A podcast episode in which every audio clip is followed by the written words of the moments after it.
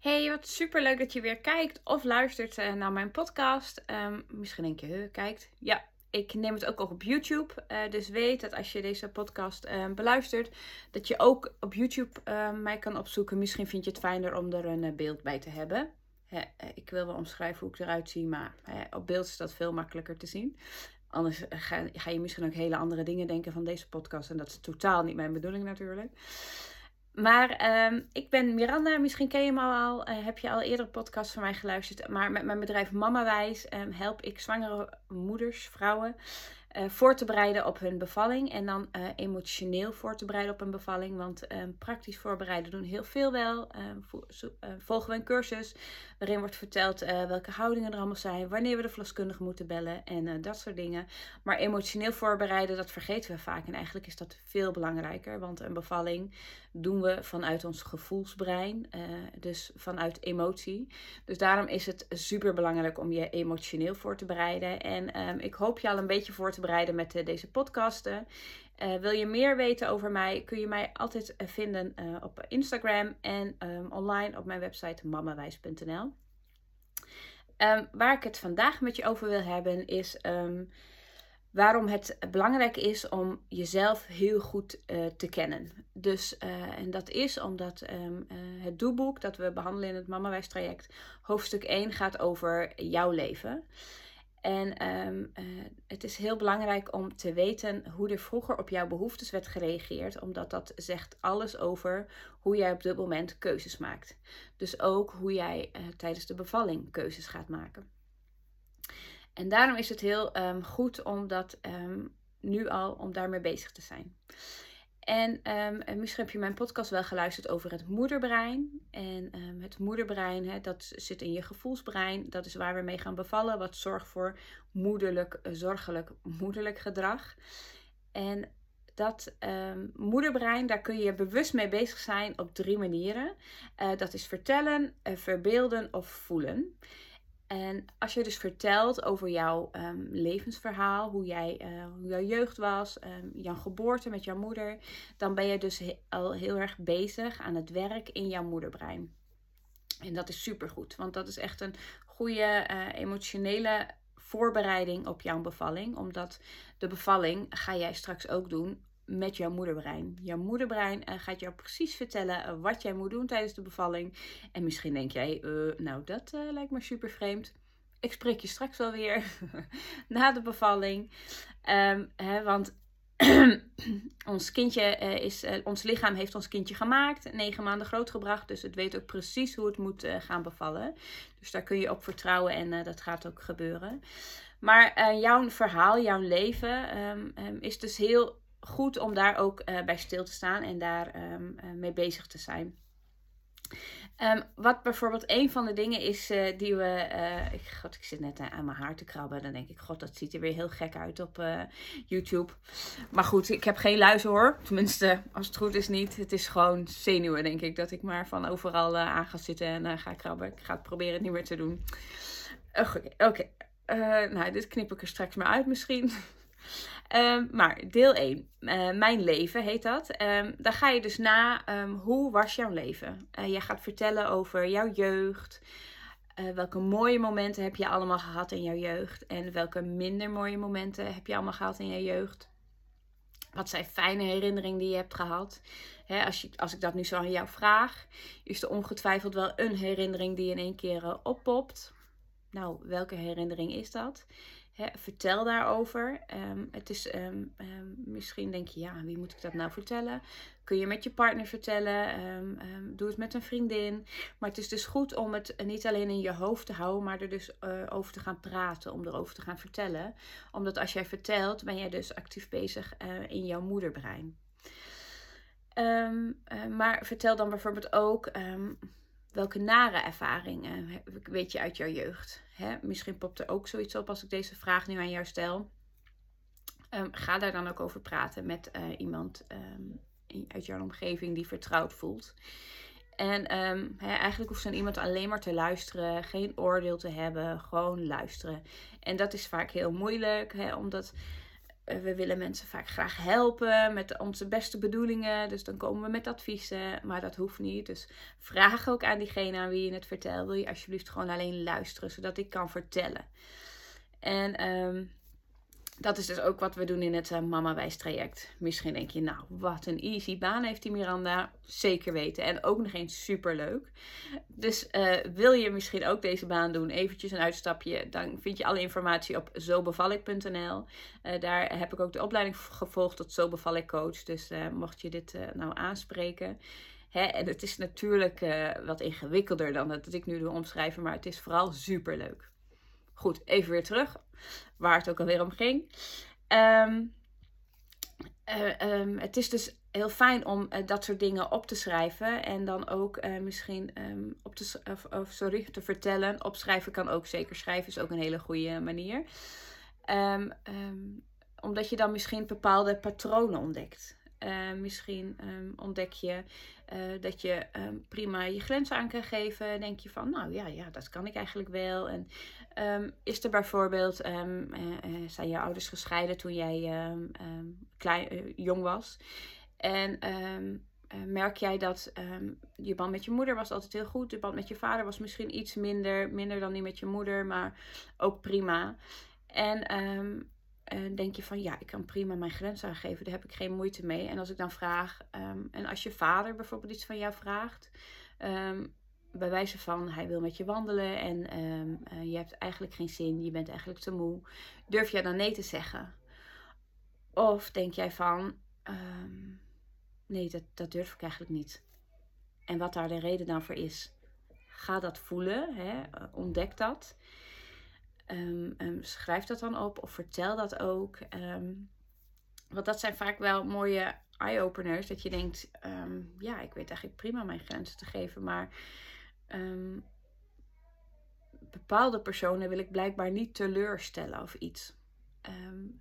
Dan weet je dat als jij dus, dan kun je je daarvoor beschermen, kun je dat ook aangeven. Want misschien weet je dan als jij in zo'n situatie komt uh, waar jij je misschien niet helemaal op je gemak voelt of helemaal jezelf kan zijn, dat je het dan wel moeilijk vindt om je grenzen aan te geven.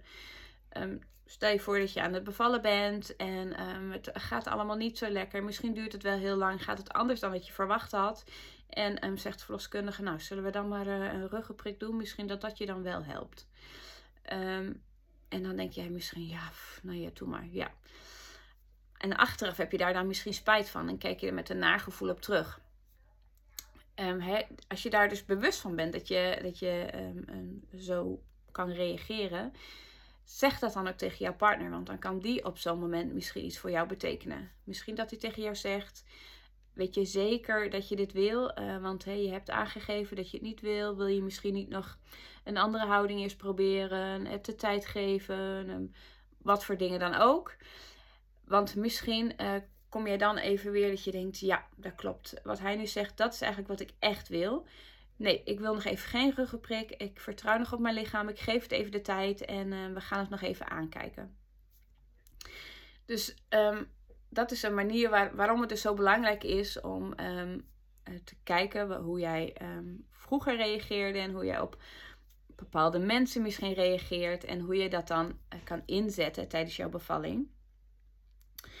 Um, ik ga eventjes kijken hoor. Ik heb dat werkboek hier voor me. En uh, kijk eventjes uh, welke vraag daar nog meer uh, in staat. Oh ja, dat is ook bijvoorbeeld een stukje. gaat over jouw eigen geboorte. Dat is ook heel erg leuk als dat nog kan. Als je moeder er nog is. En hè, voor sommigen is dat helaas niet meer mogelijk. Dat is ehm, heel verdrietig. maar ga eens vragen hoe was jouw eigen geboorte?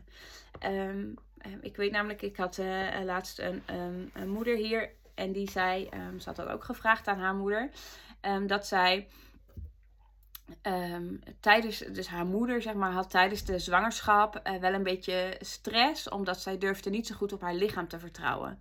Dus daardoor had zij veel stress, leefde zij, uh, nou toen waren er nog niet heel veel echo's, maar als ze dan een echo had, dacht zij, ja, ja, ja dan uh, gaat het wel weer beter. En ze had dus altijd een beetje die onzekerheid in zich.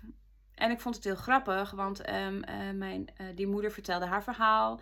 En toen kwam dus daar heel erg naar voren hoe onzeker zij uh, over haar lichaam, het vertrouwen daarop, dat ze dat heel moeilijk vond. toen zei ik, nou kijk eens, dat is precies wat jouw moeder eigenlijk voelde eh, tijdens, jouw, ehm, ehm, tijdens haar zwangerschap van jou. Want dat is heel bijzonder. Hè? Er zijn heel veel onderzoeken naar gedaan. Want misschien denk je, nou, dit uh, gaat met de pet boven. Of dit klinkt te zweef. Dat is absoluut niet zo. En er zijn heel veel onderzoeken naar gedaan. Hoeveel um, invloed jij als moeder hebt op jouw baby in de baarmoeder. En dat weet ongetwijfeld iedereen ook wel. Bijvoorbeeld wat stress met je doet. Hè? Um, nou zijn er eigenlijk twee soorten stress. Um, chronische stress en acute stress. Chronische stress, dat hè, chronisch zegt het al, dat is dus uh, lang, chronisch. En dat herstelt zich niet. Acute stress is, uh, is er direct, is bewijs van als iemand jou laat schrikken. Uh, hè, het is um, nu, um, even kijken, 18 oktober, dus Halloween is er bijna. Ik vind het doodeng, al die monsters. Stel je voor dat je gaat naar Fright Night, wat ik me niet kan voorstellen. En je wordt daar geschrikt door zo'n. je schrikt daar van zo'n verschrikkelijke zombie acute stress, maar jouw lichaam uh, maakt allerlei hormonen aan, waardoor jij weer um, gerust wordt gesteld. En dat is ook hoe uh, stress ons dus kan helpen. Stress is dus zeker niet alleen maar iets negatiefs. Stress is zeker iets heel positiefs. Maar we zijn een beetje verleerd um, hoe we ernaar moeten luisteren. Want um, ons onderbuikgevoel, dat kent ongetwijfeld iedereen wel, maar er naar luisteren is vaak wel heel moeilijk of omdat dat voor um, ongemakkelijke situaties um, zorgt. Of omdat um, jouw brein zegt: Nou, hou me lekker vast aan, uh, aan dit. Uh, wat je nu doet. En ga maar niet iets nieuws doen, want dat is eigenlijk doodeng. Dus uh, doe maar niet. Maar ons onderbuikgevoel, daar kunnen we echt op vertrouwen en naar luisteren. maar hoe je dat doet, daar moet je gewoon eigenlijk weer een beetje achter komen. He, ga het gewoon ervaren merk als jij in een situatie bent en je denkt van, oh, ik weet niet wat ik hier ga even voelen. Uh, voelt dit goed? Nee, nee, nee, dit voelt eigenlijk niet goed. Ga dan weg of uh, wat de situatie ook is. En misschien zeg je onder een buikgevoel wel, nou, eigenlijk voelt het wel goed, maar is het een nieuwe situatie? Dus is dat spannend, maar is dat wel een fijne spanning? Dan weet je, oké, dit ga ik proberen, dit ga ik aan. En voel dat ook bij uh, jouw bevalling, hoe jij over um, uh, bepaalde situaties denkt.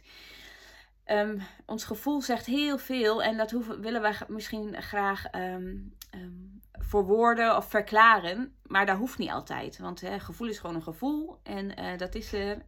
En waarom dat er is, geen idee. Dat voelt gewoon nu zo voor mij en dat ga ik dan zo doen. Daar hoef je ook niet te verklaren, voel je er ook niet verplicht voor. Um, maar hè, dit zijn weer honderdduizend stapjes waar het eigenlijk om ging. Stress, um, acu acute stress is dus um, luister naar je onderbuikgevoel. Zegt hij, je moet nu hier wegwezen bij deze Friday Night, want het is hier doodeng. Doe dat dan ook vooral. Waarschijnlijk zegt dat niet, want anders was je daar niet heen gegaan. Maar goed, eventjes een kleine, klein voorbeeldje.